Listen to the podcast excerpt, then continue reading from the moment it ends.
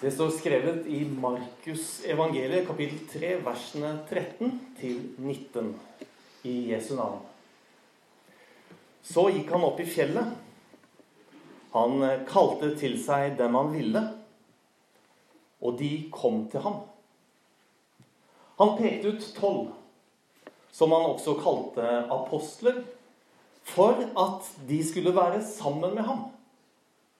Og for at han kunne sende dem ut for å forkynne.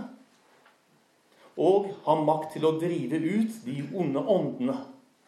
Han utpekte de tolv. Det var Simon, som han ga navnet Peter. Jakob, sønn av Sebedeus, og hans bror Johannes. Disse to kalte han Boanerges, som betyr tordensønner. Og Andreas, Philip, Bartolomeus, Matteus, Thomas, Jakob, sønn av Alfeus, Tadeus, Simon Kananeos og Judas Iskariot, han som forrådte ham. Slik lyder Guds ord. Se for deg eh, en mann. Hvilken som helst mann. Være tynn, han kan være tjukk. Eh, skalla eller store hårmanker. Sånn rent fysiologisk så Ja. Det, det, er liksom, det, det spiller ingen rolle. Men se for deg denne mannen gå sånn.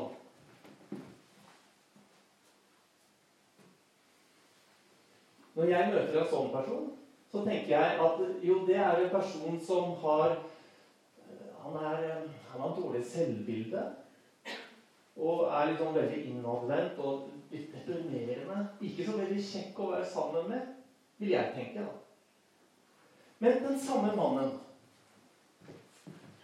rak i ryggen, og går fremover og møter ditt blikk, har et godt håndtrykk. Og jeg tenker det er en flott mann.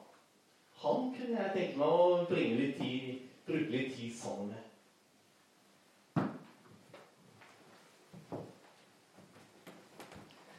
Og vi ser det at holdningen, denne gangen kroppsholdningen, avgjør om et menneske virker positiv og flott eller ikke. Og så samtidig vet vi fra psykiatrien at kroppsholdningen gjør noe med psyken din.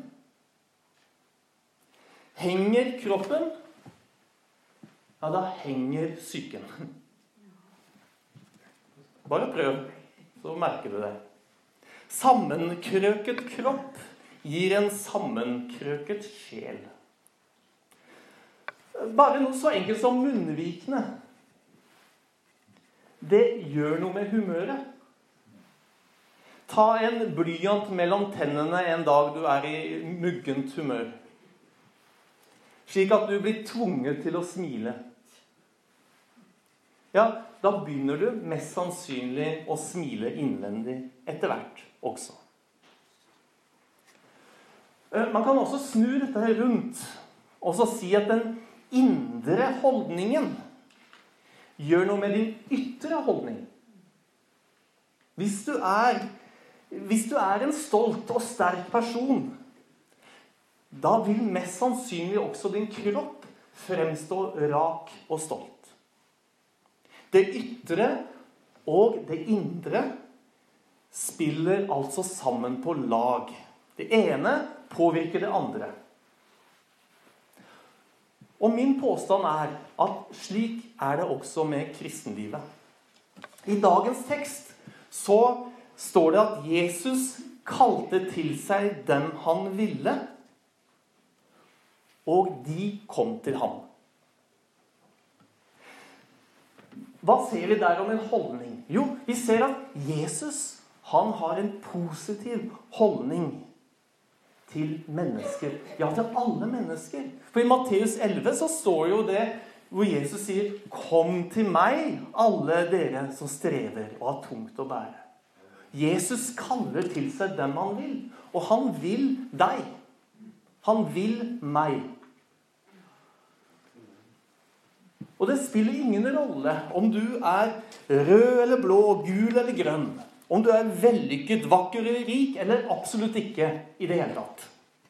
Det som gjelder, er din holdning. Og får vi se på disiplene hva skjedde når Jesus kalte disiplene? Jo, de kom til ham. De hadde en positiv holdning til Jesus om at 'Å, det er Jesus som kaller meg.' Jo, men da kommer jeg. Hadde de hatt en negativ holdning til Jesus, så var Nja eh, Kanskje en annen gang. Men de hadde en holdning om at dette var viktig. Dette gjør vi. Jesus hadde en positiv holdning til disiplene. Disiplene en positiv holdning til Jesus. Jeg skal være helt ærlig med dere at jeg har f.eks. en ganske sånn negativ holdning til tall og paragrafer. Det betyr at så fort jeg ser noe slikt, så rygger jeg unna. Og så gjør jeg hva som helst for å unngå det. Og kroppen min den, den liksom blir sånn, og sjelen min blir som en bitte liten sånn redd treåring. Og jeg prøver å unngå det. Jeg gjør hva som helst for å unngå tall og paragrafer. Og hvis dere går hjem til meg og ser i min bokhylle Det er ikke en eneste bok om norske lover eller om hvordan, hva, hva skjer, hvordan får du x ganger y til å bli uh, n, eller noe sånt. Det fins ikke. Jeg har ingen interesse av det. Jeg vil helst ikke se det. Men Spør du meg om Bob Dylan, eller fatbike-sykling eh, og hundekjøring, eller om teologi og religion, da snakker vi. Da, det har jeg bøker om. Det interesserer jeg meg for, og det tenner gløden i mine øyne. Og jeg vil gjerne snakke med deg om det.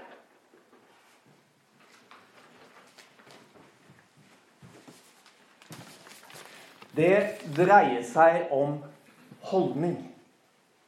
Jesus kaller den han vil, og han vil deg. Han vil meg. Men hvilken holdning har jeg til Jesus?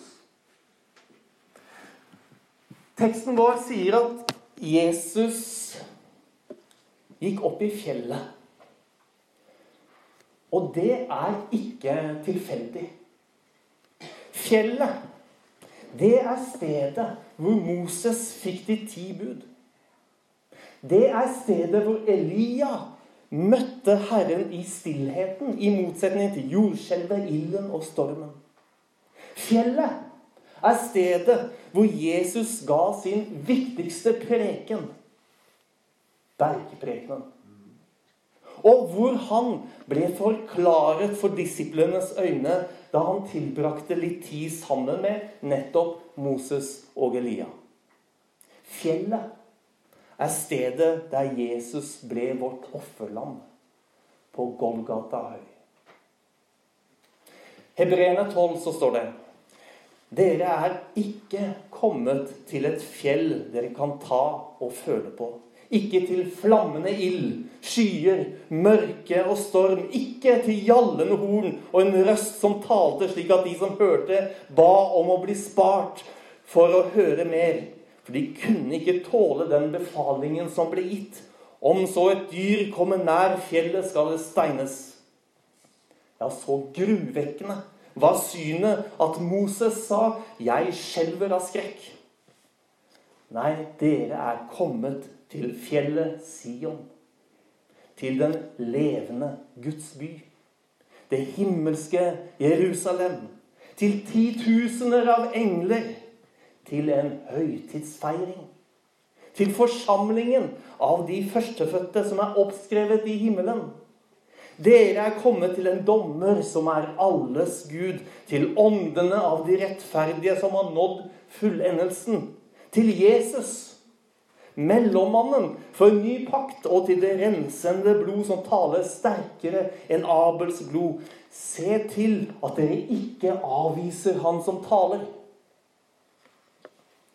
Fjellet, det er et symbol på å bli tatt til siden for Gud, utskilt og utvalgt for Gud. Så gikk han opp i fjellet, han kalte til seg dem han ville, og de kom til ham.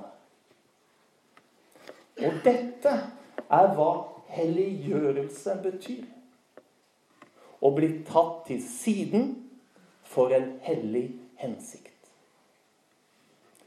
Og hva er så denne hellige hensikten som du og jeg blir tatt til siden for?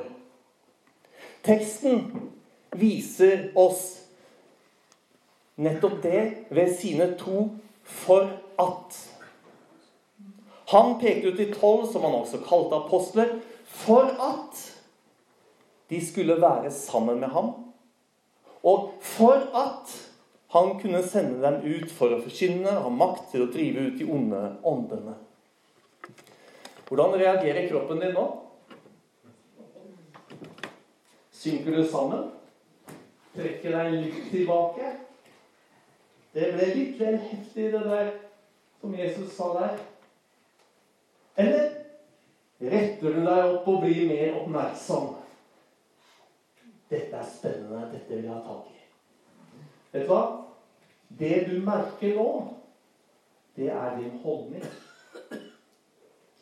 Tør du, enten din holdning er på den ene eller andre måten, gi din holdning til Jesus? Kan han få lov å påvirke deg?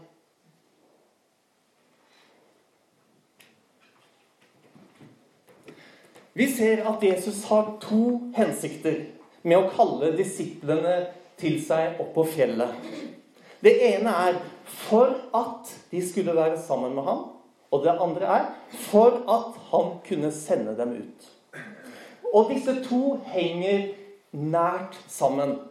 Og vi kjenner dem igjen i misjonsbefalingen. Jeg har fått all makt i himmelen og på jord. Gå derfor og gjør alle folkeslag til disipler. Døp dem til Faderens og Sønnens og Den hellige ånds navn. Og lær dem å holde alt det jeg har befalt dere. Og se, jeg er med dere alle dager inntil verdens ende. Det er bare ved å være sammen med Jesus vi har mulighet til å være utsendte. Hebreerbrevet beskriver fjellet bl.a. som Guds by. En høytidsfeiring. Forsamlingen av de førstefødte. Og bare to kapitler tidligere i Hebreerne, altså kapittel 10, så står det La oss ha omtanke for hverandre. Så vi oppgløder hverandre til kjærlighet og gode gjerninger. Og la oss ikke holde oss borte når menigheten vår samles, som noen har for vane. La oss heller oppmuntre hverandre. Og det er så mye mer som dere ser at dagen nærmer seg.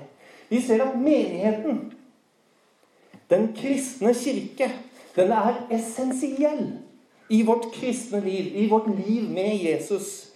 Og Paulus han beskriver menigheten som Jesu kropp. Kan man bli noe nærmere?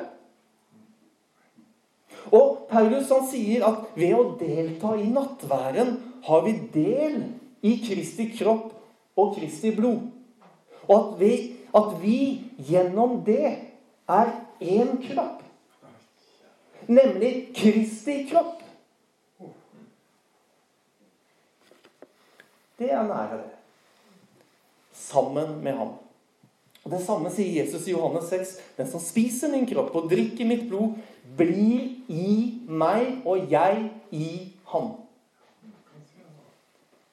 Menigheten og dens feiring og deltakelse i Jesu kropp og blod, det gir oss en sterk tilhørighet til hverandre og til Jesus.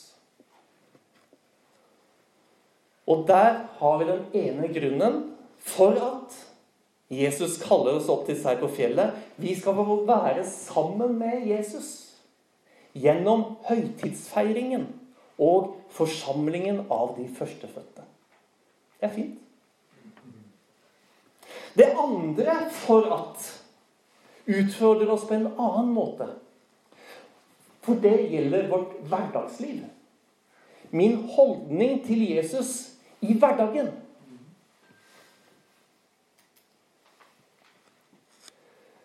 For hvordan vises din holdning til Jesus seg når Bibelens ord blir utfordret?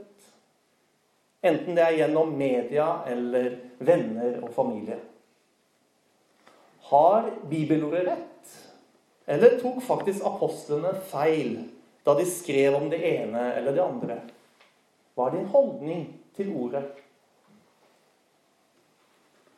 Eller hvordan er din holdning når du blir provosert? Blir du sint og beskylder den andre for å være idiot? Eller det som verre er? Hva om du vet om noen som har noe imot deg? Ikke at du vet om noen du har gjort noe galt imot, men at det er noen av en eller annen grunn som har noe imot deg. Enten det er din feil eller ikke. Hva er din holdning da? Forter du deg bort for å få ryddet opp i det? Eller Hva med alle disse vakre sommerkroppene som sprader rundt? Det er så lett å snu seg en ekstra gang og kle vedkommende av med øynene. Eller hva tenker du om samlivet med din ektefelle? Eller det at du gir løfter ved å sverge på ting? Er du en å stole på? Hva om noen gjør noe ondt eller er fiendtlig mot deg? Hva er din holdning da? Dette her, som jeg nå har nevnt, det er noen av spørsmålene Jesus tar opp når han inviterer disiplene opp på fjellet og gir dem bergprekenen. Det første kapitlet i bergprekenen, Matteus 5. For det handler om din holdning til Jesus i hverdagen. Og din holdning til Jesus viser seg i hvordan du reagerer på mennesker, fristelser og sinne, begjær og egoisme. Det handler om det praktiske livet. Når noen provoserer deg eller gjør noe ondt mot deg, ja, da skinner din holdning gjennom og viser enten noe positivt eller noe negativt. Jesus kaller oss opp på fjellet for at vi skal være sammen med ham. Han som er verdens lys.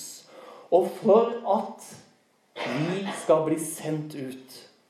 Og slik beskriver Jesus vårt oppdrag i Matteus 5. Dere er verdens lys. En by som ligger på et fjell, kan ikke skjules. Heller ikke tenner man en oljelampe og setter den under et kar. Nei, man setter den på en holder, så den lyser for alle i huset. Slik skal deres lys skinne for menneskene, så de kan se de gode gjerningene dere gjør, og prise deres Far i himmelen. Jesus kalte til seg disiplene oppe i fjellet for at de skulle være sammen med ham, og for at han kunne sende dem ut. Det her, å være et lys, det er hva jeg kaller en god holdning. Og holdningen din, den skinner igjennom når du blir testa på ulike fronter. Og den lyse holdningen den får vi ved å holde oss til Jesus. La oss be. Himmelske Far, vi takker deg for Jesus. Herre, Herre, vi takker deg for Den hellige ånd. Takk, Herre, for at vi kan få lov å si ja. Vi kan få lov å si, si ja med en positiv holdning. Om vi har en negativ holdning, så får vi lov å si ja da også. For Jesus står der på fjellet og kaller til oss og ønsker oss og vil ha oss. Kom til meg, alle dere som strever. Dere som har tungt å bære, så vil jeg gi dere hvile. Hjelp oss til å gi vår holdning, enten det er på det ene eller andre vis, til deg, Herre, og komme til deg. For bare slik så kan vi være lys og salt i verden. Kom, Hellige.